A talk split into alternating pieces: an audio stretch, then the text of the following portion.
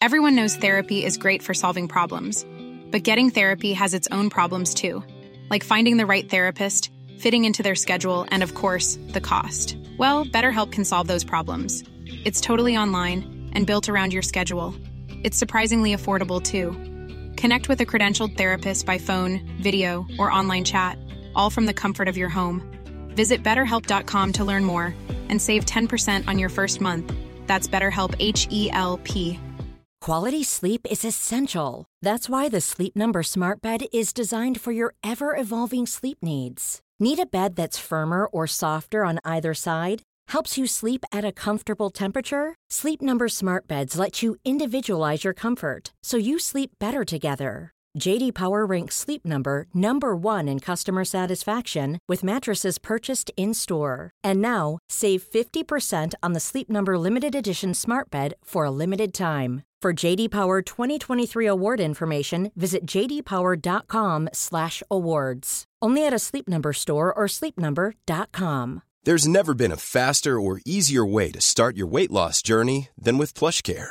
PlushCare accepts most insurance plans and gives you online access to board-certified physicians who can prescribe FDA-approved weight loss medications like Wigovi and Zepbound for those who qualify. Take charge of your health and speak with a board-certified physician about a weight loss plan that's right for you. Get started today at plushcare.com slash weight loss. That's plushcare.com slash weight loss. plushcare.com slash weight loss.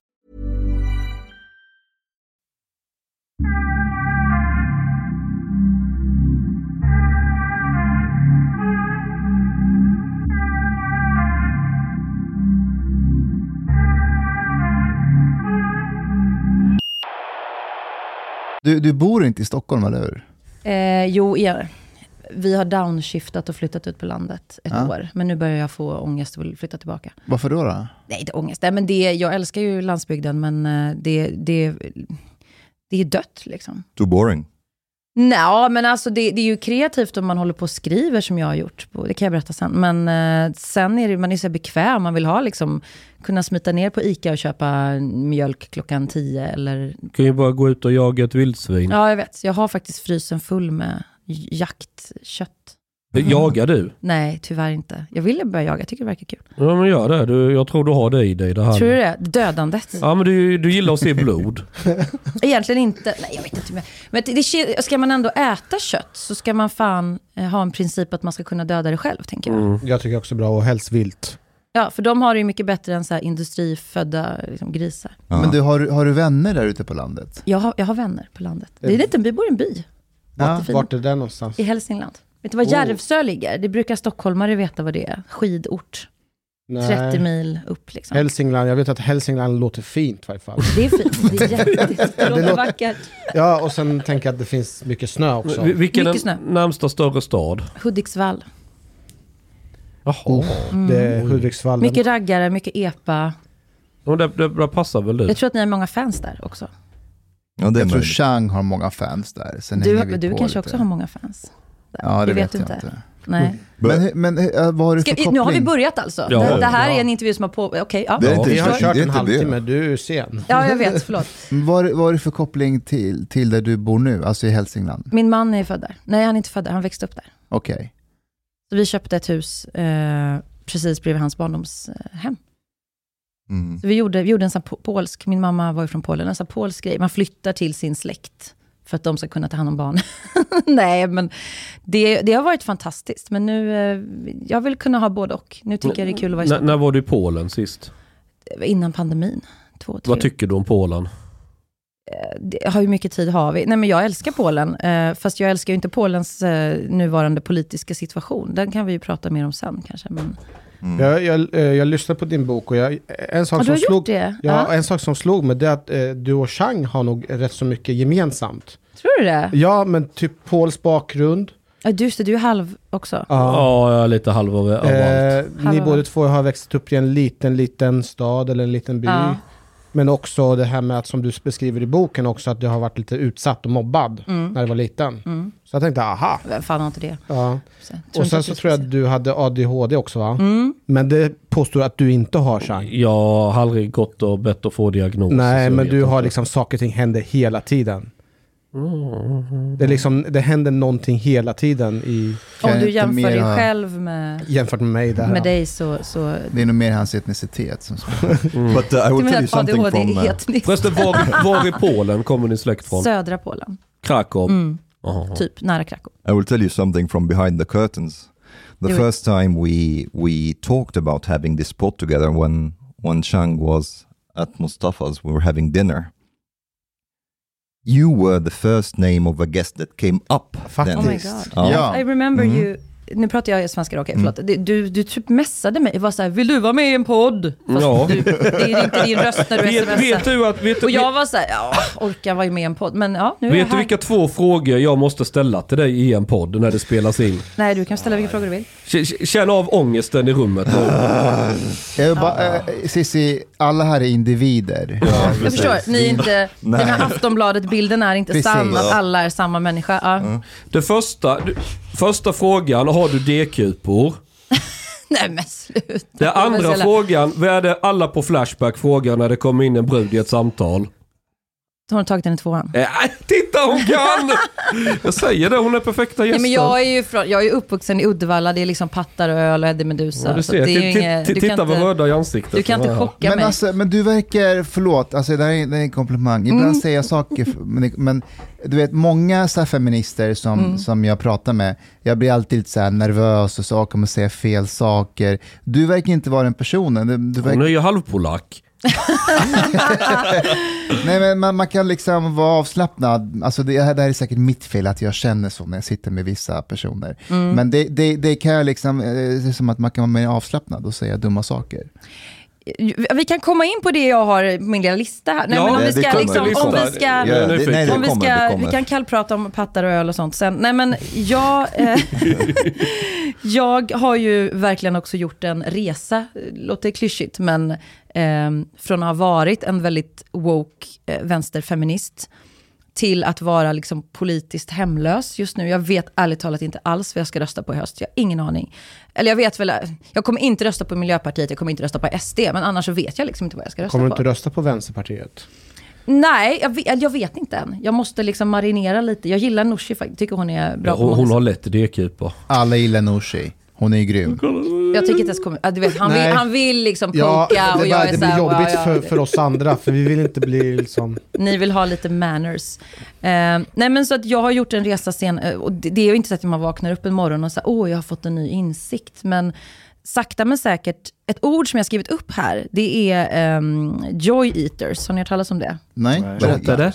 Joy eaters. Okej. Jag försökte liksom hitta... Glädjeätare. Ja men glädjedödare eller glädjeätare. Jag vet vad det är på väg, men fortsätt. Ja, nu, jag har försökt att hitta febrilt var jag hörde det här första gången, för jag lyssnar mycket på engelskspråkiga poddar. Ja, men på Spiked, på eh, Triggered, alla de där liksom, som anses vara höger eller problematiska, fast jag inte riktigt förstår. Ibland är de ju det, men det är ju mer att de tror på det fria ordet och bjuder in massa olika typer Mm. av tänkare och så.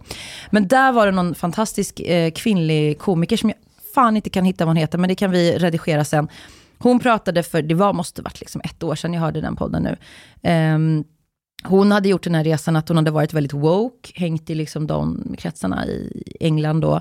ehm, med människor som hade rätt värdegrund och skulle vara intersektionella på alla sätt och säga rätt saker. Och till slut så hade hon insett liksom att hennes kreativitet och hennes drivkraft att göra det hon tyckte, hon var komiker då, det hon tyckte var kul var liksom uppätet. Den var så här, I was, around, I was surrounded by joy eaters. Och jag blev en liksom eh, person som aldrig kunde vara i ett socialt sammanhang där man bara kunde slappna av, där man faktiskt kunde vara lite politiskt inkorrekt, där inte alla människors intentioner tolkades som att de var onda. Ehm, um, So how long have you felt this way? Ja men det är väl ett år ungefär tror jag. Mm, intressant. Något sånt där. Och det är inte att man blir en annan person, men man får liksom andra insikter. Sen så började jag läsa mycket Helen Pluckrose, som ni vet vem det är, och James Lindsay. Ja. Har, ni, har ni läst, eh, jag ska se vad heter boken på svenska? Den är ju faktiskt jävligt bra. Cynical theories isn't Cynical it? Theories, eh, och så på svenska, den finns att köpa på svenska. Så görs eh, allt till en fråga om ras, genus och identitet. Och blir skadligt för alla. Eh, den finns både på svenska och engelska. Men hur, hur, hur kom du ens över alltså, att, att läsa de böckerna? Men jag tror att man slår liksom om man, om man rör sig i en filterbubbla eller i en krets där alla bara går i cirklar. Och det blir mer och mer absurt. Det blir liksom som en här Grotesco-sketch, om ni har sett Grotesco. Att man, folk gör parodi på sig själva. Så till slut så bara måste man nästan, det blir som en så förbjuden mark, att jag måste ta in andra perspektiv. Jag måste läsa liksom nyheter idag. Fast alla säger att jag inte får, eller alla, men de som jag omger mig med är så här, det är en nazistsajt, läs inte den. Och jag var så här, okej, då ska jag kolla, är det en nazistsajt? Och så, det kanske är det annars, men just den dagen jag läste så hittade jag inte jättemycket nazism. Sen förstår man ju att ni står mer till höger än till vänster, men Nej. Jo, men det kan, man ju, det kan man ju förstå. Men som den här boken jag precis tipsade om tar upp så är det så här, all, all, all kritik av till exempel eh, integrations, eh, svensk integrationspolitik eller eh, ja, genusideologi är ju inte liksom rasism eller kvinnoförtryck. Vi har liksom lagt alla Nej, vi har maskerat det rätt bra vid det här laget. Ja, du heilar inte på stan liksom. Nej, jag har tennisarmbågen, gick till sjukgymnast, jag fick lägga av med det. Ja, men, då, för att liksom koppla tillbaka till, till den här joy eating-grejen, så bara så här, varför ska jag inte kunna vara en fritt tänkande människa som plockar eh, insikter och eh, perspektiv? Jag behöver inte hålla med, men från massa olika håll. Liksom. Det är därför jag inte litar på människor som inte kan uppskatta stand-up. Nej, men det, jag det var är ju sj- varningsflagga. Ja, och jag var ju själv en del av det här Mr Cool-drevet som eh, hände, det var ju 2018 var ju det. Eh, och där jag själv, jag skrev en krönika i Expressen i ett, snart ett år sedan. Där jag liksom gjorde avbön från det, från min, min reaktion då. Mm, Det var i juni. Vad sa du? Det var i juni då. Maj, juni någon gång Mm. tror jag. Ja, snar, ja, ett, nio månader sedan. Typ. Så det är som en bebis nu som har fötts efter nio månader. Nej men så jag, så för att summera det så, så insåg jag liksom, jag kan inte leva, jag kan inte röra mig i de här kretsarna, jag kan inte omge mig med de här människorna. Och när man börjar förstå hur allting hänger ihop med eh, konsensuskultur och politisk korrekthet. Och, och woke är ju liksom en, eh, det är en riktig joy eater. När man ska Men- vara korrekt hela tiden, i hela sitt liv. Får jag fråga dig, var det någon specifik händelse som gjorde att du kom till insikt Om det liksom. Ja. om det här? Alltså, kan du ge några exempel på så här, där du var med om saker, det är bara shit det här, kom igen nu. Ja, det var ju massa olika saker. Det, om man går tillbaka till den här Mr Cool-grejen så kan jag fortfarande än idag inte riktigt svara på varför jag tyckte det var viktigt att hänga på But det. actually, what, what was that really? Uh, Det var en komiker som, eh, han var ju inte särskilt känd innan, så det här var ju jättebra på sikt kanske för hans karriär. Eh, som hade skrivit några låtar som ligger på Spotify, jag vet inte om de är borta nu, men som låg på Spotify, som hette så här Knulla barn och det var jävligt, liksom, han ville ju uppenbarligen testa gränsen Men det måste ju varit man- något problematiskt med låtarna, jag fattar. Ja, men jag jag- skojar. Ja, jag förstår inte din ironi alls. Det måste vara, det måste vara din dialekt. Liksom. Nej, jag skojar. Nej, men... ehm, och jag hade ju inte ens hört hela de här låtarna när jag liksom hoppade på. Det var inte jag som började, det måste jag säga. Det måste jag friskriva mig. Men jag hoppade på eh, kritikstormen. Och kunde själv inte förstå hur stort det skulle bli och hur det skulle drabba honom som person. Ehm, och det var ju hemskt, när man förstod för, vad, vilka konsekvenser det fick för honom men, men personligen. bortsett från den händelsen, var det Mm. några andra händelser som påverkade dig? Ja, jag blev ju själv, man är ju en egoist liksom, så jag blev ju själv utsatt för cancelling. På, eh, äh, sen har jag klarat mig bra ändå, för att jag har, har det bra och jag har min egen plattform. Men det är absurt när människor så här, tar avstånd ifrån en, för, från en, typ för att man är med i en sån här podd. Nu är jag med här, jag hade säkert varit med för ett år sedan också, men nu skiter jag liksom i det. Nu får de tycka vad de vill. Men det hade räckt att jag hade varit med i den här podden, när jag var i min gamla, eh, så att säga, krets. but you seem also like a bit calmer now, I would say. It's a countryside. Uh, because I remember the first time I ever saw you, this was um, it was during a panel discussion, Kulturhuset, during oh, Me that Too. must be, yeah. Uh, so it was Det var ju typ 2017 or 2000, fyra like beginning, ja precis. Ja. And this was one of the most bizarre experiences I've ever witnessed in my life. And I was like new here to Sweden, and this this panel was in English, so I was able to Mm. Oh, understand. that right? terrible Mm. English. uh, Yeah, and and there was like you had like a couple of first of all there was a guy from from the US who started the discussion by saying now we have to take a stand men we men are creeps Ja, and we need to be jag har inget controlled. minne av det and I was like, "What the fuck? Speak for yourself, you creep!" And and and you were you were a bit also like you, you were a bit how to say? Nej, jag var, you were very provoked. jag and var it's like you were- ultra woke. Oh, you were like, Ja. "There's a war on women," and uh, and we, and I was like, "What the fuck is going on?" And then I listen a bit to the conversation, and then there, there's a guy in the audience who pops up, pops up behind me, just stands up in religious fervor and says, "Like." Society has to take power from us. they have to oh. make us stop raping. Ja, men det like, what the fuck is wrong with you people? Ah, it's like I felt like I was in a, in a, some kind of a church in the in the American South in the Shia. Bible Belt, Shia. and it's like. Calm the fuck down. This is not the second coming of the Christ. What is wrong with you people? And uh, so this this was one of my Det var first din, experiences ja, in din första. Stockholm. Nej, men alltså, jag, jag kommer knappt ihåg det här. Det säger jag inte bara för jag, hade, jag kan absolut äga om jag betedde, eller om jag framstod helt galen. Men jag hade ju precis liksom metooat, jag hade ju precis berättat min historia. Och det var ju otroligt omvälvande och jobbigt på många sätt. Och, ja. Så jag var väl kanske liksom inte mitt... Jag var väl inte helt emotionellt på plats. Så. Och så blir det så här märkligt att de bjöd in mig överallt. Och jag borde ju bara sagt nej. Nej men nu har jag gjort det jag tycker är viktigt. Det kan vi prata om sen också. För det står jag 100% för. Att jag tycker att man ska ha rätt att berätta sin egen historia. Eh, och inte bli liksom dömd för förtal för det. Men jag borde ha backat där och inte ställt upp i 48 olika intervjuer. För att jag var liksom inte, jag var all over the place så här, mentalt. Eh, och så blir det ju konstigt att man ska debattera när man har en personlig, så här, ja jag överlevde liksom sexuella övergrepp. Och så ska man debattera det med någon som pratar om det på teoretiskt plan som inte själv, det blir märkligt liksom. Det är som att prata med någon som har överlevt krig och så ska jag teoretisera det fast jag aldrig har upplevt det. Alltså det blir, det blir väldigt märkligt. I du remember also the, the look on your face. Like, There was only one woman in the panel who was critical to me too. Ja. She, she was from the UK, and I remember she said Kommer like inte ihåg vad hon hette nu. Nej, men jag vet heller. Ja. Nej. And she said something like that she likes to, she thinks it's flattering if she's grabbed by the butt. And I remember your face when, when she said that, you looked at her and with utter shock on your face. That was funny. Ja, Har, har du alltid varit woke? nej gud, jag kommer ju från eh, Uddevalla, kommer, mina föräldrar, min morsa var invandrare, de lyssnade på eh, eller, alltså, jag vet inte exakt hur gamla ni är, men hela vår uppväxt var ju väldigt anti, liksom, eh, o, politiskt inkorrekt heter det. Eh, med den humorn man tittade på då, med eh, det man, eh, alltså vi läste ju,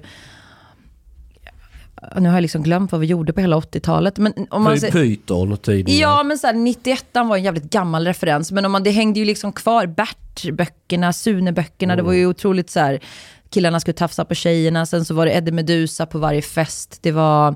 Och, och, och när Ja. gick det snett för dig i livet? Nej, men jag flyttade till Stockholm 2005. Det var där det började spåra. Nej, men jag började jobba på Sveriges Radio. Jag började på P3. Ja, där har vi det. Ja. Och eh, sen idag, jag är snart 37 år, det är så här, man behöver ju inte välja en hel ideologi. Jag kommer alltid liksom tro på vissa grenar av socialismen eller vänster liksom, ideologin, alltså som den är tänkt från början innan den blev woke. Men jag är så pass trygg i mig själv nu att jag inte behöver välja, jag behöver inte köpa hela paketet, utan man kan, man kan cherrypicka lite. Jag, jag vill gärna höra mer hur, hur du gled in på den banan. På den woka banan Ja, eller anti-woka banan? Nej, woke. Det, det var ju så här, eh, sociala medier växte ju explosionsartat där i ja, 10-talet. Liksom. Men det, ja, Facebook kom väl sen 07, fast då var ju, inte, då var ju Facebook så här, då hade man liksom, då la man upp en bild på sin lunch. Och det gjorde typ alla, det var ju inga polit, eller jag kommer ihåg att det inte var det i alla fall, inga politiska diskussioner. början, det var ju bara så här, kolla jag har varit och tränat, kolla en hatt jag har köpt. Alltså, det var väldigt, det var ju otroligt eh, antipolitiskt på något sätt. Och sen så, sakta men säkert, så blev ju människor medvetna om att på sociala medier kan man ju bygga sig en identitet. Och den identiteten eh, behöver liksom inte egentligen samspela med vem man är, utan den snarare en bilden av sig själv utåt, vem man vill vara. Och att det ger en väldigt mycket sociala fördelar att framställa sig på ett visst sätt. Och all, så. Ja, men så som medveten, så som eh, eh, politiskt korrekt, så som eh, jag följer de här personerna, men jag skulle aldrig läsa... Det började skapas massa grupper, liksom vad man var emot. You have to have the emot- right religion. Ja, det, var, det blev en sekterism och sen så fanns väl algoritmer redan då. Så det vet vi ju nu, att Facebook premierar ju liksom polarisering och sådär. Så det började väl redan då. Men sen så kom ju Instagram, jag tror jag skaffade Instagram 2011. Och det var ju inte alls, jag hade verkligen ingen strategi att jag skulle bli en Instagram-profil. Jag hade så här 500 följare. Men uppenbarligen var det någonting jag gjorde som gjorde att väldigt många började följa mig. Jag vet faktiskt inte riktigt vad det var då, men Not, not free the nipple? Nej, det var nog inte det. Eh, Jag har, jag har aldrig varit så himla mycket för så symbol. Jag har inte haft pussy hat och jag har inte haft så här tygväska med eh, feministmärke. Eller det kanske jag haft någon gång. Men det har liksom, inte- jag har mer kanske bara skrivit ganska osensurerat vad jag tycker. Och så blir det mycket reaktioner kring det. Ehm, ja, men så det, det skedde väl gradvis och då hamnar man i, framförallt när man börjar lära, lä, i citationstecken lära känna folk digitalt. Det vill säga människor du har känt hela ditt liv eller i flera år, de känner ju du. Du kan slappna av med dem. De vet att du inte är liksom, eh, hatisk mot en hel grupp eller att du har helt keffa åsikter. Men människor på nätet vet ju inte det. Så att man skapar väldigt oheliga allianser där då den, de sociala koderna hela tiden eh, pushas. Och sen så kom ju 2015 med flyktingvågen och allt det där. Och eh, öppna våra hjärtan och mm, vi gillar olika, fast alla på Aftonbladet är vita. Och sådär. Så de var väl, liksom, det blir den här otroliga symboliken som plötsligt skulle vara. Det var någonstans där jag kommer ihåg att sociala medier 2015, 2016, när det bara handlade om symbolhandlingar. Man skulle byta ut sin avatar mot regnbågs... Nu var det Pride liksom och sen var det någon annan utsatt grupp och sen skulle man ha det här vi gillar olika handen. Och så skulle man... Ehm, eh, jag, jag, men det var, ni förstår, det var bara en massa så här symbolhandlingar. Och det kanske låter konstigt om man inte hängde mycket på sociala medier. För då kan man ju säga fuck that. Men jag var ganska, ganska ung då, jag var 29-30 och, och ehm, hade precis fått barn, mitt första barn. och satt mycket hemma och var mammaledig och hade lite så här förlossningsdepression. Så jag drogs liksom med i den här woke, det var som att hitta en, ett sammanhang. Och det är precis, det finns ju många som har gjort kopplingar till sekterism. Alltså att det, för att eh, kallas en sekt så måste man ju uppfylla vissa kriterier. Nu kan inte jag dem, men det kan man googla. Och det är mycket den här kulturen som är då, som vi kallar woke, är ju, överensstämmer ju med det. Att Kan man säga att du var en ung, arg kvinna? Jag var verkligen, ensam då var jag inte så himla ung, men innan det, så upptakten var ju att jag var ung. Eh, Kände du dig ensam under den tiden? Ja, absolut. Eh, och sen så sökte sig människor till mig och jag sökte mig till människor, nästan bara kvinnor då, som alla var väldigt arga, hade kanske blivit utsatta för någonting, eh, blivit eh, våldtagna någon gång eller utsatta i något. Alltså det var hemskt, bara på trauman så, som vi inte hade bearbetat på något sätt. Och så kommer jag ihåg att jag ska, jag sta- skaffade en podd med min dåvarande svägerska, eh, som eh, hette Penntricket. Det här var liksom lite senare, 2016 tror jag kanske. Jag kommer ihåg där, jag, var, jag, jag blev tvingad att lyssna på den av men min alltså, dåvarande flickvän. Den blev, för vi var med så här, två eh, småbarnsmammor som var feminister, eller fortfarande är feminister, men och tänkte att vi ska podda lite, det är roligt. Och så satt vi hemma i min garderob och poddade. Och så fick den, den har nu liksom en miljon lyssningar. Alltså det var helt absurt. Den blev en sån här... Eh, ett måste, jag har hört så många sådana historier, att kvinnor tvingade sina män att lyssna på den. Och det var ju inte vår tanke, var ju inte att vi skulle vara några frälsare. Vi är ju inte sakkunniga på något sätt. Vi var ju inga experter, utan vi satt ju bara och pratade om vår syn på... Men det blev liksom den här väckelsekänslan. Jag ska bara säga, just det 2015, att det kom det här med normkritik. Eh, jag satte mitt barn på förskola då, 2016 här på, på Söder.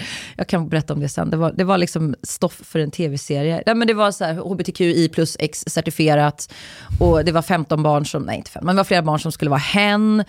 Och pedagog, ja, men det var som en sketch liksom. Och alla var så, alla skulle hela tiden eh, överträffa sig själva. Och i den kontexten befann jag mig. Så såklart det fann att jag var svag och blev woke. För att det var liksom, det var min verklighet. But, but did you start at that time? Did you already start to like...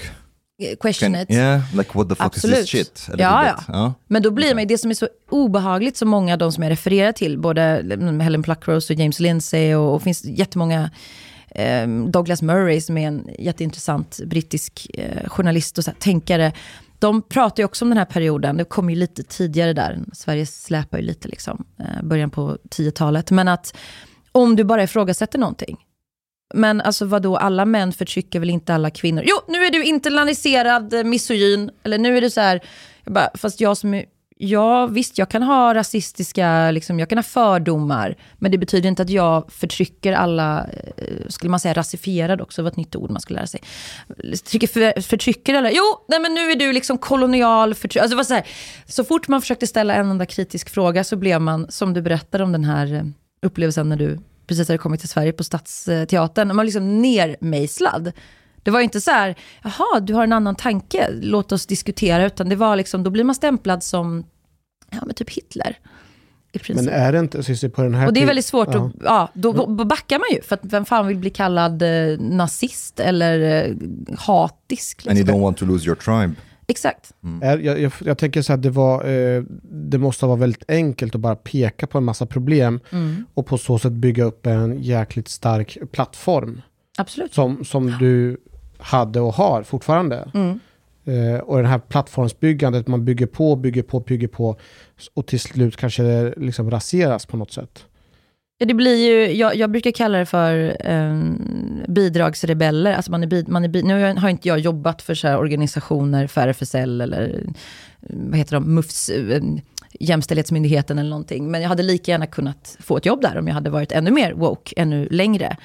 Men man blir liksom, det blir en profession att vara feminist eller antirasist. Man kan föreläsa fast man egentligen inte vet ett jävla skit. Man bara tycker saker. Man kan få jättebra betalt för att åka till så här Östersunds kommun och stå och prata inför alla typ poliser. Så här, fan vad hemskt det måste vara att vara statligt anställd idag och behöva lyssna på så här, nu ska vi ha normkritiska temadagar med så här en jävla Jeppe som inte kan ett skit och så måste vi gå på det. Tänker du på Linnea Claesson nu eller? Eh, Jag nämner inga namn, men eh, jag tänker på Eller tänker på dig själv att du Ja, gjorde ja, så? nej, men jag, okej. jag har aldrig gjort, jag har faktiskt aldrig, jag aldrig Nej, föreläst, eh, tack och lov. Jag har inte sett mig själv som en expert. Men på nätet blev jag ju en sån här synliggörare, att jag då började, folk började skicka saker till mig. Du måste belysa det här, det här är så hemskt. Och det blev absurdare och absurdare grejer. Och till slut, jag liksom bara skyller på ADHD, jag drogs med i det där. Och tänkte att det här är viktigt, det här, nu förändrar vi världen tillsammans. Liksom. Men vad tycker de om dig idag? De hatar mig. Och vad säger de då? Vad, hur har du svikit dem? Alltså det, I Sverige är det ju ofta så att det blir tyst. Det är inte så att någon kommer fram och så här, du har lämnat vårt gäng, du har, liksom, du har svikit dina ideal. Det, det är väldigt sällan, utan det är att man blir ju inte inbjuden längre. Man blir... Nej, men om jag någon gång ändå har samarbeten med folk som fortfarande är lite woke, då får ju de, blir de bestraffade av sina vänner och, och kollegor för att de har liksom samröre med mig. Jag var med i Ivar Arpis podd i våras var det väl. Och det blev ju så här jätteproblem mm, i vissa kretsar. But a more pro- pragmatic and utilitarian question maybe would be, are you losing or gaining followers? Men jag, tror- att jag, det har liksom blivit lite som ett... eh, En, en, en, det Du byter ut dem delvis. Ja, jag byter ut dem och det är väldigt skönt. Jag slutade följa tänkvärt och började följa kränkvärt istället. om ni, och det var också väldigt skönt. Även om jag tycker att han tänkvärt kan skriva bra saker ibland, så känner jag att jag kan liksom inte andas i den här nätkulturen. Allting ska problematiseras, allting ska liksom dissekeras. Och det, jag pratar om joy eating, så här, med just humor, att det går, det går ju inte att verka i den miljön om man vill vara kreativ på något sätt. Det går inte. But do you feel that this movement is on the rise still, or is it on the decline now? It's on the, alltså det är verkligen, den, den kommer att, det var någon som också sa i en av de här poddarna som jag inte kommer ihåg nu, Triggered eller någonting, att eh, we're, eh, på svenska då, liksom, vi är med, man är med och bygger altaret där man sen själv ska offras. För det är ju så. Man kan väl säga så här, revolutionen äter sina egna barn. Ja men det är ju, det är ju sen gammalt. Ja men du var ju lite vänster ju. Jag tänker lite Ja, men jag hederlig fort- kommunism. Nej, kommunism vet jag inte om jag gillar, Men men jag, är, jag kallar mig champagnesocialist. Men vad tänker du om Marcus Allard? För det här du beskrev nu, eh, Ja. att folk går föreläser och cashar in trots att de inte vet vad de ens pratar om. Ja. Det är, eh, transferiatet kallar han ju det där. Det är Folk- väl, jag tycker det är väldigt bra. Jag tycker han har en poäng där, absolut. Men, nu lever du farligt.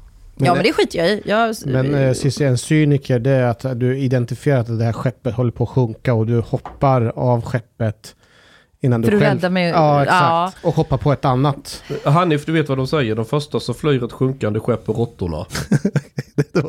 det var en bonde som Ja men sa de är smarta. Det var ju som på Titanic. De bara, nu sticker vi liksom. Nu hoppar vi ut i iskalla havet. Men vad, vad tänker du om den resonemanget? Om att du är en råtta? Om att jag är en råtta.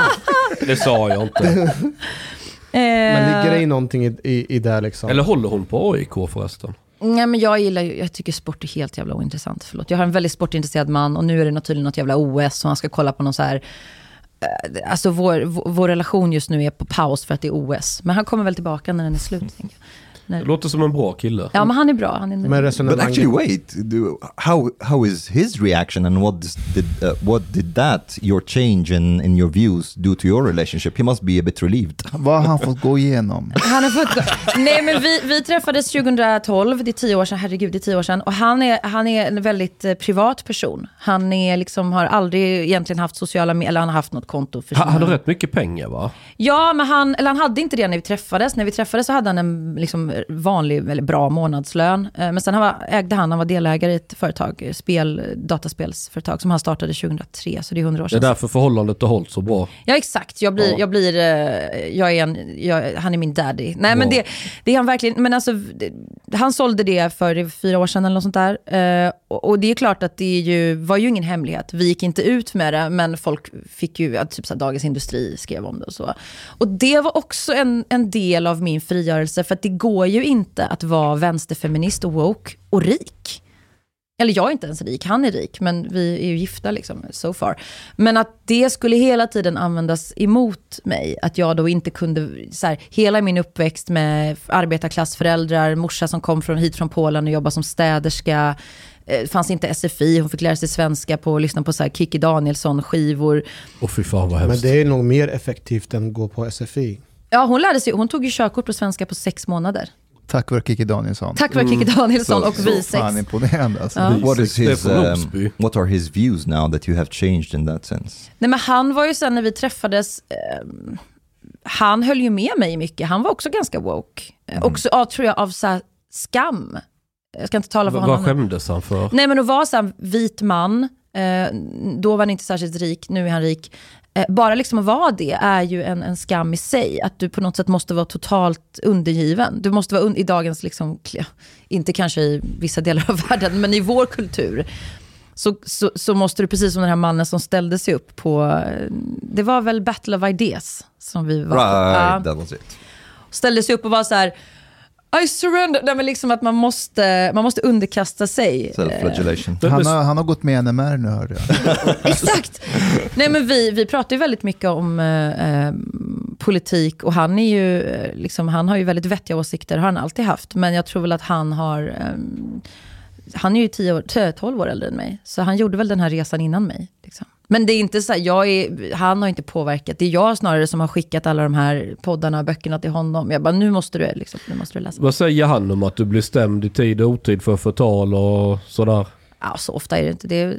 Ibland. Jo, men han, han stöttar det, 100 procent. Är det han Ja. som pungar ut? Ja, vi har inte, jag har inte behövt betala någonting än, för jag överklagar ju bara hela tiden. Nej, men jag, jag, det är... Om man återgår till mig själv då, det är så här, jag kan inte heller leva, man pratar om joy eating, att man ska känna att man hela tiden är, eh, ja, som att ni är män, att ni ska känna att ni har en, eh, en skuld, någon slags arvsynd eh, att betala. So you don't think that we have kollektivansvar? Det tycker jag ni har, absolut. Men inte på det sättet att ni ska underkasta er och liksom, ja men nu, nu kan jag inte dra ett skämt som kan, alltså, det beror på vilken typ av skämt det är, men man behöver liksom inte radera hela sin eh, komplexitet som människa eller så här, nej man ska inte tafsa, man ska inte vara sexistisk, man ska inte vara rasistisk eller homofob eller fan det nu är heller. Nu är ju du en joy eater. Ja, jag vet. Jag kommer till det. But för it's dig- more like dig. individual. Men- Det är allt som är roligt. Nej, ska men man alltså, inte göra. det enda, det, är så här, jag har inget klart svar på var gränserna går. Det enda jag vet genom mina år i woke-sekten är att de männen, eh, oavsett eh, etnicitet eller vad som helst, bakgrund, som är värst mot kvinnor, som är absolut vidrigast, eh, mansgrisigast, det är de som är woke. Det är de som står, nu nämner jag inga namn här, men det är de som står längst fram och skriker högst. Typ den där snubben som ställde sig upp. He was compensating. Han har Förstår våldtagit minst 12 stycken. Well, not just that. Like, Nej, men det är ju någon- yeah, but, but that's här- true. Like he, he's like he. I'm thinking like if you're really thinking the only thing that's keeping you from raping women is like not having power, then what the fuck kind of person are you? Nej, men de flesta den- män är ju ganska, alltså jag skulle säga de flesta män är ganska hyggliga. Sen finns det tyvärr alldeles för många som inte är det. Men det är liksom inte någon, man kan inte gå, nu ska jag få prata, men man kan inte gå runt i hela världen och misstänkliggöra varenda människa som är vit eller man, eller eh, vad det nu kan vara, någon privilegierad undergrupp av någon privilegierad, vi ska ha den här pyramiden av privilegier som ingen riktigt hänger med i. Ehm, det funkar inte, för världen funkar inte så. Det finns inget som skrämmer mig mer än feministiska män. Men vadå, du är inte, du skulle inte säga att du är feminist? Jag är för jämställdhet. Men det är ju, du, feminism betyder ju bara att du är för att kvinnor ska ha samma rättigheter och skyldigheter och möjligheter som män. är inte det jämlikhet? Alltså det här ordet, jag, ärligt talat, vi behöver inte hamna i den diskussionen, för jag skiter i om någon kallar sig feminist längre. Det enda är vad de gör. Nej, men det enda en, som en, man som gör en, en man som bygger en identitet på feminism Jag och fattar. Mm. joinar FI och sitter i såna här Tatuerar debatter. Köper en fjällräven-ryggsäck. Ja, men de kan vara rätt praktiska. Men tatuerar ett kvinnotecken. Ja, det är red flag. Men alltså, Det är red flag. 2015, eh, då, då, då kallade jag mig själv för feminist. Jag jobbar med MVP, alltså är det? våldspreventiv arbete i skolan. Där vi pratade om just genus och mäns våld mot kvinnor och sådär. Did you wear a pussy hat? Eh, nej, eh, jag blev tvingad, jag blev tvingad att lyssna på Cissi Wallins Nej. podd också. Vad kände du när du hörde den? Jag kommer- Eh, det var då jag började ifrågasätta. Din, För att grejen är så här att jag uppfattade mig själv, jag uppfattade mig själv som jämställd. ja. Men i, i, i den här podden som ni hade, den här stereotypa bilden ni hade av män, ja. det kände inte jag igen mig i. Nej. Men ändå hade jag själv identifierat mig som feminist.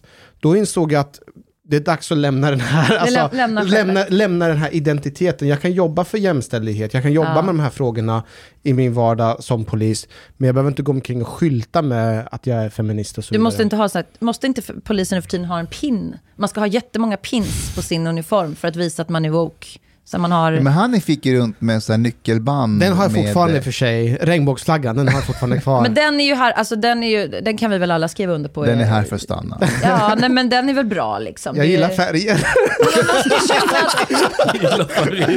Nej, men, eh, men, men eh, Cissi, eh, eh, skämt åsido, men Nu kommer folk jag- klippa jag- saker ur, folk kommer, det här kommer, förlåt, bara, woke, min, liksom, mina, mina nuvarande antagonister då som är woke-vänster kommer klippa väldigt fragment ur den här podden. Ja, så kommer de klippa jag. ihop, så här, kolla vad de sa. men Ingen This will be fun. Får, Jag jag, bjuder- bara, men Ja, alltså, jag, jag har ju följt dig eh, på Instagram och, och jag, så som jag minns det, jag, eh, jag minns att du gjorde en grej av att män som kallas för feminister, att det var någonting som var fel på dem.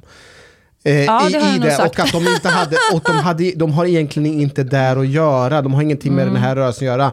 Alltså jag var en av dem, jag lämnade. Men då kände du att du fick mitt god, you got my approval liksom, att du kunde gå. Ja, men jag kände så här, vad fan är det här för... Så här, jag, vill jobba, alltså jag vill verkligen genuint jobba för att det ska bli jämnt. Och för mig, eh, den absolut viktigaste jämställdhetsfrågan där jag jobbar, det är framförallt jobba med unga pojkar för att få dem att eh, klara av skolan. För vi har ju en, eh, de flesta killar i förorten, de har ju inte ens eh, gymnasiebehörighet. Nej. Eh, och det är ett jättestort jämställdhetsproblem när vi har en stö- större delen av unga män som inte ens tar studenten. För mig är ju Ja, men det, det är klart. en del av jämställdhetsarbetet, men det är ingenting som belyses i den här andra feministiska arbetet. But wait, to, to get back to, to the pod thing, so your ex wanted you to listen to the pod Ja. Notera att det to är ett make you more också. feminist, Ja. and then you listen to Sissy Vi- and, and she's like, by the way, men who are feminists, they're totally wrong, and your ex is like, fucking Sissy Wallin." Nej, men det, det, jag bara lämnar skeppet. jag hoppar före Cissi. det var råttan som sprang innan mig. Ja, det. Nej, men det som, den här texten jag skrev i Expressen i våras, om att jag gör en avbön och allt det där, eh, den tolkade ju en del människor som inte är läskunniga och bara orkar läsa liksom, en rubrik, tolkade det som att jag hoppar av, att jag inte längre är feminist, att jag tycker typ att det är bra att eh, män våldtar kvinnor eller att jag ångrar. Alltså, nej, nej, den handlar ju om, det handlar ju om eh, liksom det, den här giftiga mentaliteten som framförallt finns på nätet, att vara woke. Och vad den, att, ja, men just också efter att ha läst den här boken, eh, att man, man, gör att man, man får allting att handla om ge, eller gender då, vi har ju liksom lite svårt i Sverige för allting heter ju kön här, eh, ras, och eh, vad var det mer? Nu har jag glömt vad det var. Rättvisa. Nej men liksom det här social justice movement But har do ju you know the blivit... background of these people? Yeah, I know Like, the background of these people. Yeah, they, they're actually you know, they, they're- studies. Yeah, they, Yeah. they they have like submitted a lot of papers to like uh, all these like critical theory um, um, oh, magazines and and like um, Med forskning, eh, liksom, they- they- they vetenskapliga like- tidskrifter. Mm, the- one one of the most famous ones was like this uh, the conceptual penis as a social construct which argued that penises are not male rather they should be analyzed as social constructs instead and it was like we submitted like 20 papers. The funniest one am- uh, among them, uh, included among the articles that were published, were arguments that dogs engage in rape culture and that men could reduce their transphobia by anally penetrating themselves with sex toys. But um, Nu hänger inte jag riktigt med. Vad är det du säger egentligen? exactly, it, it's bullshit. Nej Like men a- de menade that- they, they ja, like a att man, om man är man och har en hund så kan du liksom överföra No, no, no. våldtäktskultur på din hund. Eller var det not inte så? just de- that, that the Nej. dogs themselves are raping here. Just det. Mm. Uh, she, she went uh, like uh, Helen Pluckrose. She went around in, in parks in Oregon, uh, noting that she witnessed a dog rape roughly every 60 minutes. To ensure that she accurately knew the genders of every dog, she made the outlandish claim that she closely and respectfully examined the genitals of slightly fewer than 10,000 dogs. Kan du översätta det här nu på svenska? Nej, men skit i det. Vi, vi, vi fattar. Alltså, hundar våldtar. Ja, okej. Jo men det här är ju på något sätt piken, det här är ju själva tipping pointen tycker jag i alla fall av eh, identitetspolitiken och eh, normkritiken och allt det där som bara har eskalerat i de senaste åren. Och de gjorde ju då en, en liksom, det var ju bara en, en bluff, de gjorde ju en, en um, The Grievancy Studies där de eh, skickade in, de, de tog till exempel några kapitel om Mein Kampf, Mm. Alltså den riktiga boken, Hitlers bok. Och så bytte de bara ut, de, helt autentiskt liksom, citerade, fast de bytte ut judar mot män. I vissa delar då. Eh, Och det pappret blev paper of the year. ja, men jag vet inte, men det blev det kanske, jag vet Mm. inte. Men det, blev, det visar ju på att det, det är så mycket, eh, när man brukar prata om så här perma, performativt, men skit i det. Liksom att vi ska prata så folk i Uddevalla som lyssnar förstår. Förlåt, jag är inte elitistisk, jag bara spelar elitistisk just nu. Men eh, det här är ju mycket teorier. Det är massa fina ord, det är ordsallad. Det är saker som man lär sig säga. Och om det bara hade stannat på sociala medier, fine. Det sitter massa människor och känner sig kränkta av allting och ser förtryck överallt. Men det är ju inte så. Det har ju liksom smugit sig in i myndigheter. Inte om ni läste den plågsamma intervjun med kulturministern i förra veckan. Eller nu i veckan, nu vet Ja, jag, måndag Berätta, idag. jag har missat den. Stina Oskarsson. Jag älskar Stina Oskarsson. Vilken Ja, är fantastisk, fantastisk. människa. Ja. Hon gjorde en intervju i Svenska Dagbladet med, vad heter hon, Jeanette Gustavs eh, dotter. Dotter. som är sosse då. Och, eh, Hon, ja. kom, hon har kommit ut som sosse. För innan så var hon ju neutral när hon var på tidningsutgiven och skulle basha Hanif Bali. Just det, hon ja. Ja, nej, men hon, jag, jag har liksom, hon är en liten dålig för mig. Jag har inte hängt med i vem hon är. Alice Bah visste man ju vem det var. Så. Men eh, då frågar Stina Oskarsson henne eh, om, jag måste nästan ta fram det här, det var så absurt. De kom in på liksom kultur och censur och just det här med mycket kulturer. Upplev, människor upplever ju det kränkande. Så här, ska vi ta bort böcker som folk tycker är kränkande, som skildrar typ eh, hur det var för 60 år sedan eller 100 år sedan? Ska vi ta ner statyer som människor tycker avbildar liksom problematiska Ja, många av de personerna som är profilerade som statyer har ju gjort jävligt äckliga saker. Men det finns ju ändå en poäng att ha kvar statyn för att visa på att så här såg det ut då. Liksom. Men då har jag en fråga. Om jag gör, jag, jag gjorde en staty av Joakim Lamotte och ställde framför LO-borgen. Ja, det var du som gjorde den, precis. Ja, Ja. ja. Om jag gör en staty av Virtanen och ställer inne i stan. Hade du försvarat att den skulle få vara kvar? Jag, hade inte, ja, jag hade inte brytt mig om det. Varför ska jag bry mig om Alltså det? har Virtanen bidragit till Ja, det är en mer snarare, varför ska han revolution få i en staff- biologi? Alltså ha, ingen människa har bidragit till mer klick i kvällspressen under ett år. Nej, men det är så här, jag mår ju inte bättre om den statyn tas bort. Det spelar ju ingen roll för mig. Jag kan ju välja att inte titta på den då, om det är så jävla jobbigt. Vad hade Cissi Wallin för två år sedan sagt? Tre år Men då sedan. hade jag nog, då hade jag nog haft mycket större problem att den var där. Absolut. Jag hade nog säkert Men det är ändå en jäkla resa du har gjort på, på vad är det, Kan vi inte göra år? en staty av Sissi? Nej, det blir, det blir narcissistiskt. Jag måste bara läsa vad, vad kulturministern sa då. Eh, Stina Oskarsson frågade henne, man kan ju läsa hela den här intervjun på Svenska Dagbladet. Eh, hur ser du på den debatt som varit de senaste eh, åren om historien behöver uppdateras? Ska vi till exempel eh, riva gamla statyer för, ehm, som för vidare en kolonial syn eller byta ut porträtten så att det blir, blir fler kvinnor då som är statyer? Och då en, hennes enda svar på det är så här, för mig handlar det främst om mänskliga rättigheter. Ja, hon bara upprepar det gång på gång. Och så igen. frågar Stina, men hur menar du då konkret, ska man plocka bort statyer eller inte? Jag tycker det är jättesvårt. Vi ska göra vårt bästa för att det ska vara mänskliga rättigheter. Och så svarar hon bara, det är som en sån där, om ni kommer ihåg Bosse Ringholm. Det var, det var Nej, det är nästan dummare än Bosse Ringholm. För där är det bara ett inövat. Här, här tror jag Gustavsdotter på något sätt försöker svara men kan inte. Det hon- slutar med att hon är väldigt stark i sin värdegrund. Ja, men och- och det är också det som så här, Fröken Sverige, kommer ni ihåg? Nu finns det inte Miss World. Liksom att I want to change the world, I want peace in Africa, or is it war in Africa? Alltså, det är på samma nivå. Hon är för fan minister. Och det går hela vägen. För mig var det så himla...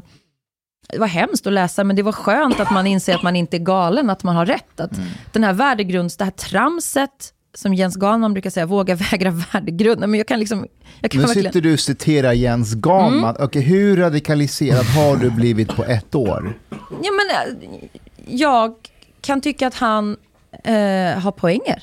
Men det är också det vi har hamnat i, i den nätkultur vi befinner oss i. Att bara för man tycker en sak en person har sagt kan vara bra. Så ska man liksom köpa, ska man tycka allt den personen har sagt. Du bjöd hela sista måltiden till den här eh, biopremiären av De rättslösa. Ja, just det. En dokumentär Hoppas jag bjöd som... alla så jag inte glömde någon. Ja, men eh, jag var där, Hanif var med. Jag, var, jag jobbade Nej, nej, tror jag. var Nej. Du hade jag något sånt där som, eh, riktigt viktigt jobb som du skulle gå på. Ja, jag var tvungen Du, ja, att just det. vakta. Vakta orten. Och eh, den dokumentären går ju också på SVT. Ja, den ligger kvar där. Ja, Ligger kvar. I typ två år. Vad handlar De rättslösa om? Nej, men vi gjorde en film, eh, jag och Maria Sveland, som handlar om... Eh, vi tyckte att det hade saknats i debatten, liksom rösterna från eh, ja, kvinnor eh, som har varit utsatta för sexuella övergrepp. Och vilka så här, långtgående konsekvenser det får. Hur rättsväsendet inte funkar, hur man blir sviken och sådär. Så det var ju... Jag kan inte tala för Maria, men jag är ganska övertygad om också att hon inte tycker att man ska ta bort saker som finns på SVT, utan man vill snarare addera ett ytterligare perspektiv. Liksom. Men vad är det som inte funkar i rättsväsendet? Nej, men Sveriges rättsväsende är ju, eh, ja vad ska vi börja? Det är ju undermåligt på så sätt att sexualbrott, eh, det, det finns liksom en förlegad syn på hur, eller så här kan jag uttrycka mig, den forskning som finns på hur man beter sig oftast efter ett övergrepp stämmer inte överens med hur många domstolar, hur många nämndemän, hur många domare, åklagare ser på eh, den här liksom bilden av någon som har blivit utsatt. Och det drabbar ju också män. Det finns ju en eh, stereotyp bild av hur en man som blir utsatt beter sig. Så Men är inte problemet oftast att det är när det gäller sexualbrott och mm. saker och ting som sker i hemmet, att det kan vara väldigt svårbevisat för det är ord mot ord. Ja men så är det ju. Och att Och beteende, det kan vara teater också. Det är jättesvårt att värdera. Men- Teater. men- ja, nej, du men- menar att man har ett rollspel? Nej, men alltså att efteråt om någon betedde sig, han var väldigt deppig och i skolan och säger att de har varit utsatta för något. Men att använda det som ett bevis, blir inte det lite gungfly? Kanske inte det, men jag tänker att det har faktiskt även, det kanske har skett massor med faktiska fall Ja. där eh, kvinnor anmäler och där man, så som jag uppfattar det från, från polisens sida, att man tar det här på största allvar och man gör vad man kan, men beviset räcker inte oftast hela vägen fram. Så är det ibland, men det vanligaste nu vad vi har... Nu var inte våran film... En, en, det här var ju mer en skildrande film där vi lät... Jag var med också för att vi pratade om förtal och så. Men vi hade x antal experter som pratade just om, alltså om reaktioner och eh, långtgående, framförallt psykiska konsekvenser. Men om man gör en film till så kan man ju mer granska polis och rättsväsende. Det hade vi inte möjlighet och tid att göra här. Men det ändå jag har lärt mig när jag läst på själv om det, det är ju att polisen gör ju ofta ett fantastiskt eh, jobb, eller ett alltså, decent jobb. Men resurserna räcker inte och man vet kanske om det är en ung tonårstjej som har pekat ut en kille på skolan, han våldtog mig på skoltoaletten, då, då liksom får, vänt, får hon vänta i fyra, fem månader på att han ens kommer in, blir kallad på förhör. Det, Att det stämmer. Jag, jag kan tvingar gå runt liksom och träffa, alltså man agerar inte för att man inte, jag vet inte varför Nej, men polisen jag, jag, inte... kan, jag kan berätta att det finns, det är väldigt komplicerat oftast för det första när, eh, när det är unga tjejer som kanske blir utsatta. Det är ju otroligt skambelagt. Man tror ju själv först att man själv har gjort någonting fel. Eh, man kanske börjar berätta för sin närmsta vän. Man, i, I de bästa fallen om man blir utsatt för brott, och det första man ska göra det är ju att kontakta polisen. Mm. Eh, men det gör man oftast inte, utan det, det hinner gå jättelång tid. Mm. Eh, man kanske kontaktar sina vänner så, och så, så småningom efter tredje dagen så får en farbror veta om det. Mm. Och alltså redan där så blir det ett väldigt, att man börjar själva utredningen väldigt, väldigt sent. Jag tror inte att det är- när det gäller så här våldtäkter som skulle ske i offentliga miljöer, att det tar, det kan ta lång tid ibland. Ja, men det är ändå att det ska ta så lång tid. Att man ska... att det inte liksom rättssäkert fungerar. Ni såg ju säkert Uppdrag granskning om den här, han som fick 840 000 av staten i Malmö. Mm. Eh, Ja.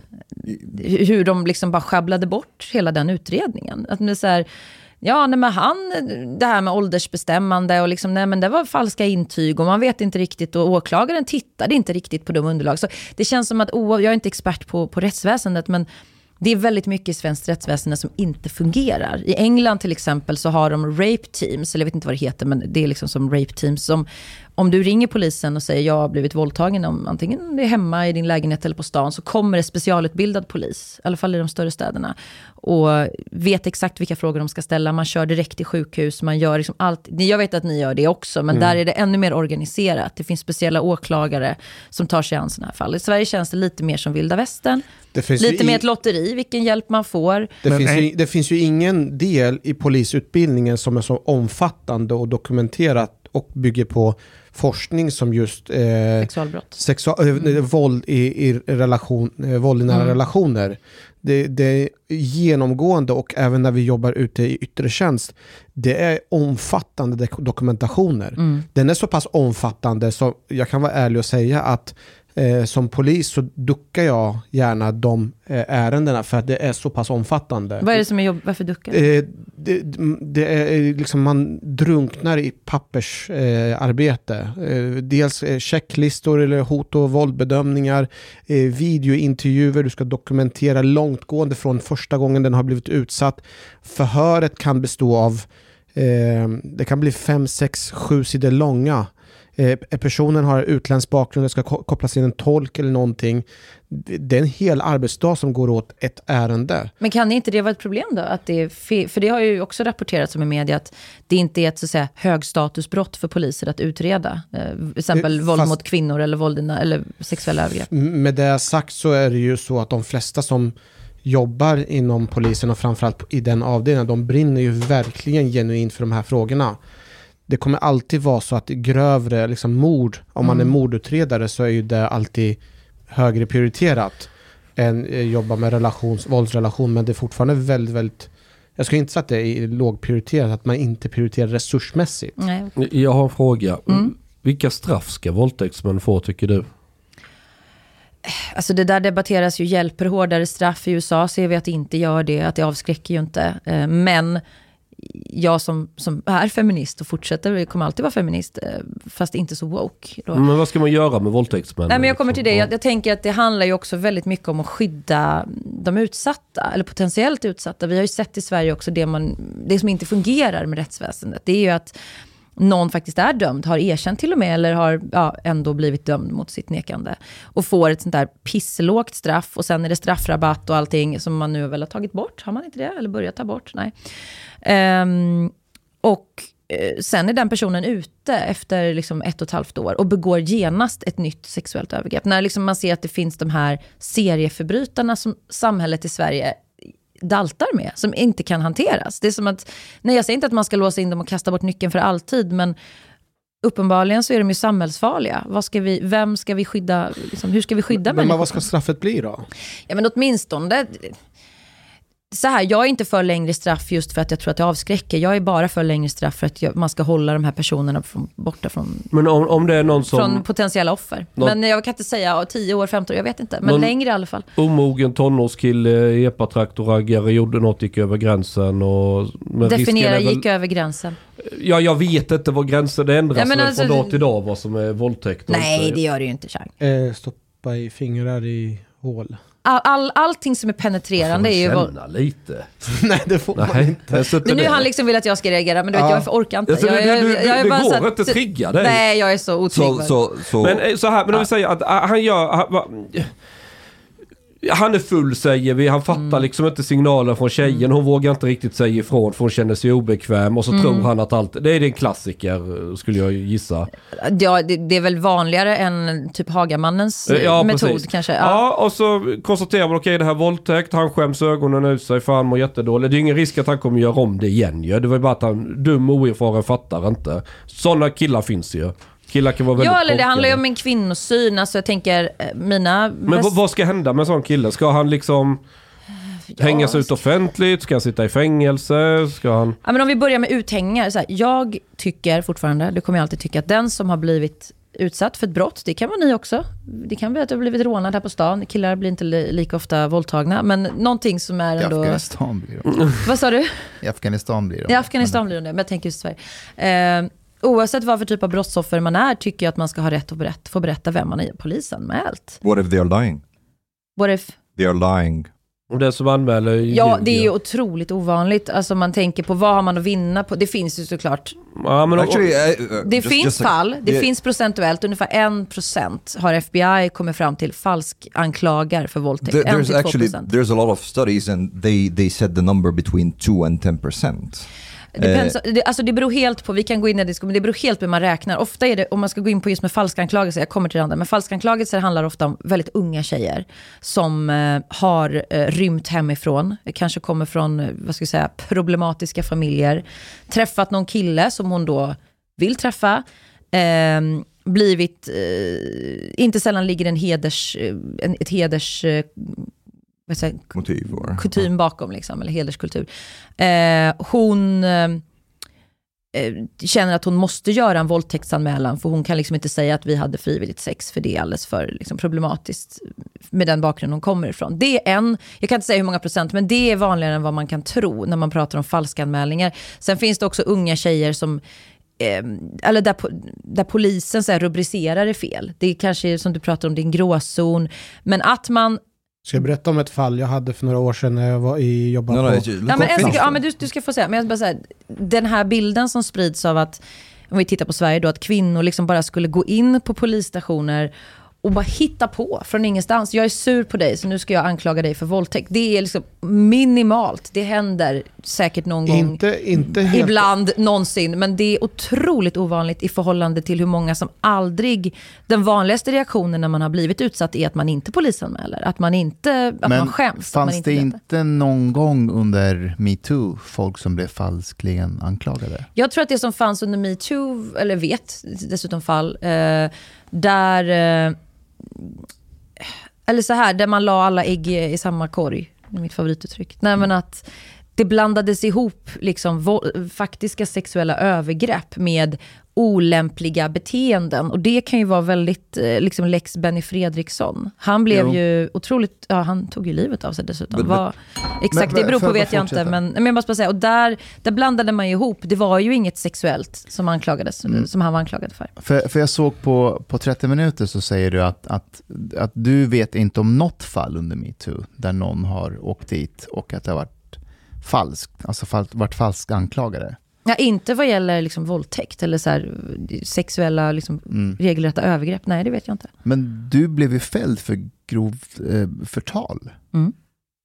Men det betyder ju inte att, alltså förtal, har du läst domen? Nej, eh, inte hela domen det har jag gjort, men, men enligt rättsväsendet så är du ju dömd för just det, eller? Ja, förtalslagen är utformad så att eh, specifikt i svensk förtalslag så står det att, eller hur man har tillämpat den, det spelar ingen roll om det du säger är sant. Du ska Eller ändå inte prövar säga aldrig det. om det är sant. Nej, de prövar inte om det är sant. nej. Så att domstolen har ju absolut inte sagt att jag har ljugit. De har tvärtom, i min dom så står det, jag kan inte citera ordagrant, men poängen de framför är att det kan mycket väl ha hänt. Mm. Vi har ingen anledning att betvivla att det, att det kan ha hänt. Så jag är ju inte dömd för att ha ljugit. Okej, men han är ju friad. Nej. Är han inte det? Nej, det, Det är har aldrig prövats. prövat. Eller det har, det har inte nej, prövats. det skrevs, nej. friad blir man ju i domstol. Okej, men, Ja. men Och det är en väldigt vanlig, miss, det är en väldigt vanlig missuppfattning att, ja, att det är så att man Men är friad. problem med det, alltså man har ju rättsväsendet, eller det kommer från romersk rätt, att alla är oskyldiga till motsatsen bevisats. Och det, det är ju en väldigt intressant situation för du blir anmäld, men det, det går aldrig vidare till, en- till en rättegång så det kan aldrig prövas, utan det läggs ner. Så du blir inte friad heller från det. Så du hamnar ju i ett juridiskt limbo om du känner att du är falskeligen anklagad. Ja men det kan jag förstå. Jag kan förstå att det är jobbigt att man känner att jag fick aldrig någon rättvis eh, liksom, Nej, hur, hur, ska du, hur ska du försvara fast det där? vänta, Men- är det verkligen så? Om vi tar en sån, det som hände Hanif Bali för några månader Mm, Det är sedan. ett typexempel. Det är det ju inte. Han är ju, det är ingen som anklagar honom för det där längre. Det, la skrev, ju det skrevs väl De av? la ju ner Ja, det. lades Ja. ner ganska Ja. Men omgående. det gjorde väl i det här fallet också? Att Ja, det lades ner. exakt. Det lades ner snabbt, ja, men det var ju-? Nej, Jo, men, men Fre- Virtanen anses väl eh, lite halvskyldig av många. Ja, alltså, så här, om man säger, jag, jag vill bara ställa en motfråga, sen kan vi prata mer om lagen och så. Men många som är förespråkare för, för yttrandefrihet, som jag uppfattar att ni är, ni, Ja. ni tycker inte man ska censurera saker, Nej. man ska, inte, liksom, man ska inte cancella saker. Men många av er, då, om jag får klumpa ihop er i samma kategori, är ju emot det jag har gjort i metoo. För då är det ju så här, min yttrandefrihet, är ju, eller kvinnor som berättar om övergrepp, där går liksom gränsen. Nej, det jag- kan man jag inte jag har göra. inte Får, får jag, för, för så som jag för förstår, förtal, för det jag förstår eh, som är di- dilemmat som blir lite fel, det är att när man använder ord som att man har blivit våldtagen, det är ju inte bara, det är ett juridiskt term. Mm. Eller hur? Ja, Att- att våldtäkt är ju också en juridisk term. Mm. Och att någon har våldtagit mig, då, då har man ju redan, då, då, i, i den eh, juridiska eh, tänket, Mm. då ska man ju ha blivit fälld för våldtäkt för att kunna säga det. Nej, enligt... det, det är en annan nej. skillnad. Jo, det är det Enligt, visst. nej, Jo. eller så här, Fast, enligt... fast skillnaden är ju att man, man säger att man själv har blivit utsatt. Ja, ja, nej, Ja. men du har ju, som Man har- brottsoffer Ja. så har du ju enligt brott, FNs brottsofferdeklaration, jag vet inte när den skrevs, skitlänge sedan, men där står det ju, det använder vi också i min rättsprocess, där står det ju uttryckligen att vem som helst kan få definiera sig som ett brottsoffer. Du behöv, din förövare, eller om du har flera jag- förövare, behöver inte ha blivit dömd. Du har ändå rätt att säga, att stå upp för att jag är ett brottsoffer, det här har hänt mig. Och Det den behöver den den inte någon vara dömd för att du ska kunna Och det säger inte jag. Nej, men jag, jag säger så här, du kan ju få vara ett brottsoffer. Men du ska att hålla sä- tyst. Nej, nej men att säga att den andra personen har genomfört, alltså har gjort ett brottsligt. Det vill säga att man, den andra personen har våldtagit, men det är en juridisk term. Och Mm. när du säger det, det är då man går över gränsen. Så du får ju alltid säga att du själv har blivit utsatt. Du kan säga hur du har blivit utsatt, du kan beskriva hur du upplever att ha blivit utsatt. Men du kan inte gå och säga att den här personen har våldtagit mig. För att det måste ju Det måste prövas. prövas. Ja. Både objektiva och subjektiva rekvisiten måste vara uppfyllda. Så man får säga, jag påstår att den här personen har utsatt mig för ett sexuellt Nej, övergrepp. nej, du får inte Okay, nämna let's, let's namnet. turn it a little bit around. Do Eller you see kan man- there is a problem that somebody could be accused of a crime when they are innocent? Det finns alltid en, det, det finns ju risker, man kan ju bli anklagad för vad som helst när som helst, men det händer ju inte särskilt ofta. Well, actually, it, it, does uh, uh, here. Like uh, even even the um, FBI statistics that you that you talked about. Um, Ja, men nu pratar vi ju inte om anmälningar, nu pratar vi om No, no. Att, att publicly, Yeah, yeah. liksom, pratar yeah, jag svenska, att gå ut och berätta No, no, att det I'm här saying- hände mig. I'm, I'm saying I'm objecting to this notion that it's extremely rare or almost non-existent that women falsely accuse men of rape. This is Mm. not true.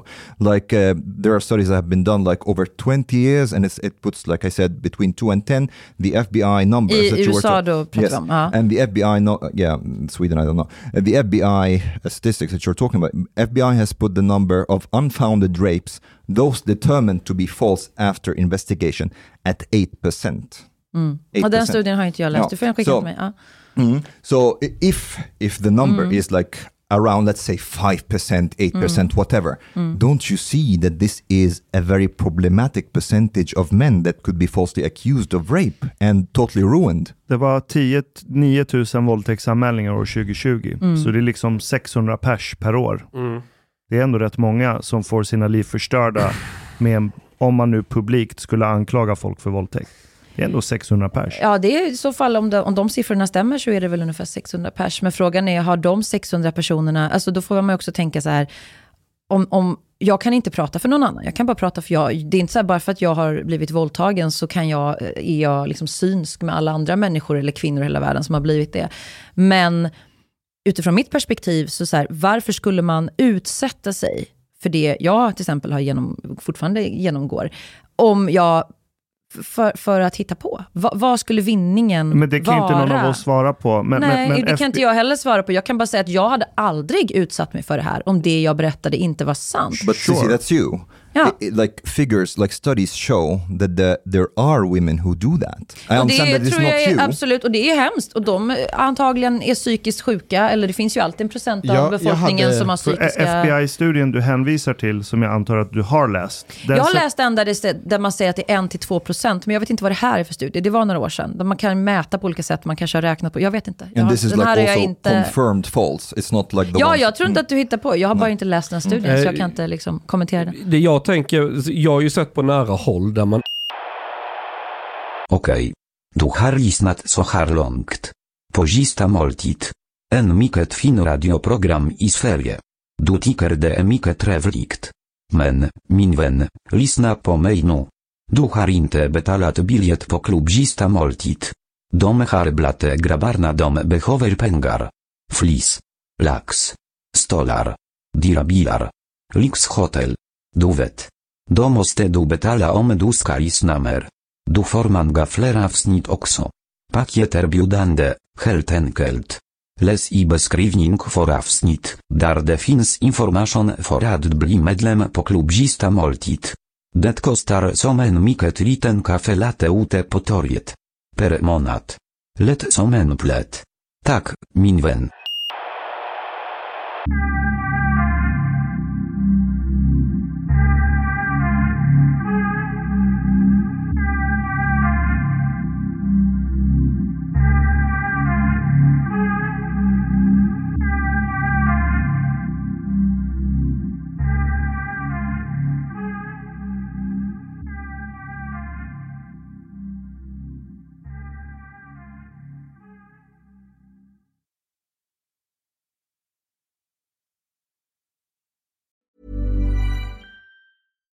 Hi, I'm Daniel, founder of Pretty Litter. Cats and cat owners deserve better than any old fashioned litter. That's why I teamed up with scientists and veterinarians to create Pretty Litter.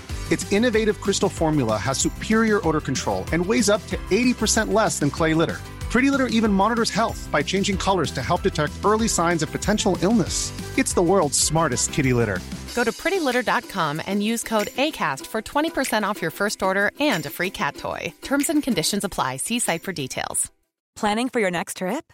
Elevate your travel style with Quince. Quince has all the jet setting essentials you'll want for your next getaway, like European linen, premium luggage options, buttery soft Italian leather bags, and so much more. And is all priced at 50 to 80% less than similar brands. Plus, Quince only works with factories that use safe and ethical manufacturing practices. Pack your bags with high-quality essentials you'll be wearing for vacations to come with Quince. Go to quince.com slash pack for free shipping and 365-day returns. Hi, I'm Daniel, founder of Pretty Litter. Cats and cat owners deserve better than any old fashioned litter. That's why I teamed up with scientists and veterinarians to create Pretty Litter. Its innovative crystal formula has superior odor control and weighs up to 80% less than clay litter. Pretty Litter even monitors health by changing colors to help detect early signs of potential illness. It's the world's smartest kitty litter. Go to prettylitter.com and use code ACAST for 20% off your first order and a free cat toy. Terms and conditions apply. See site for details.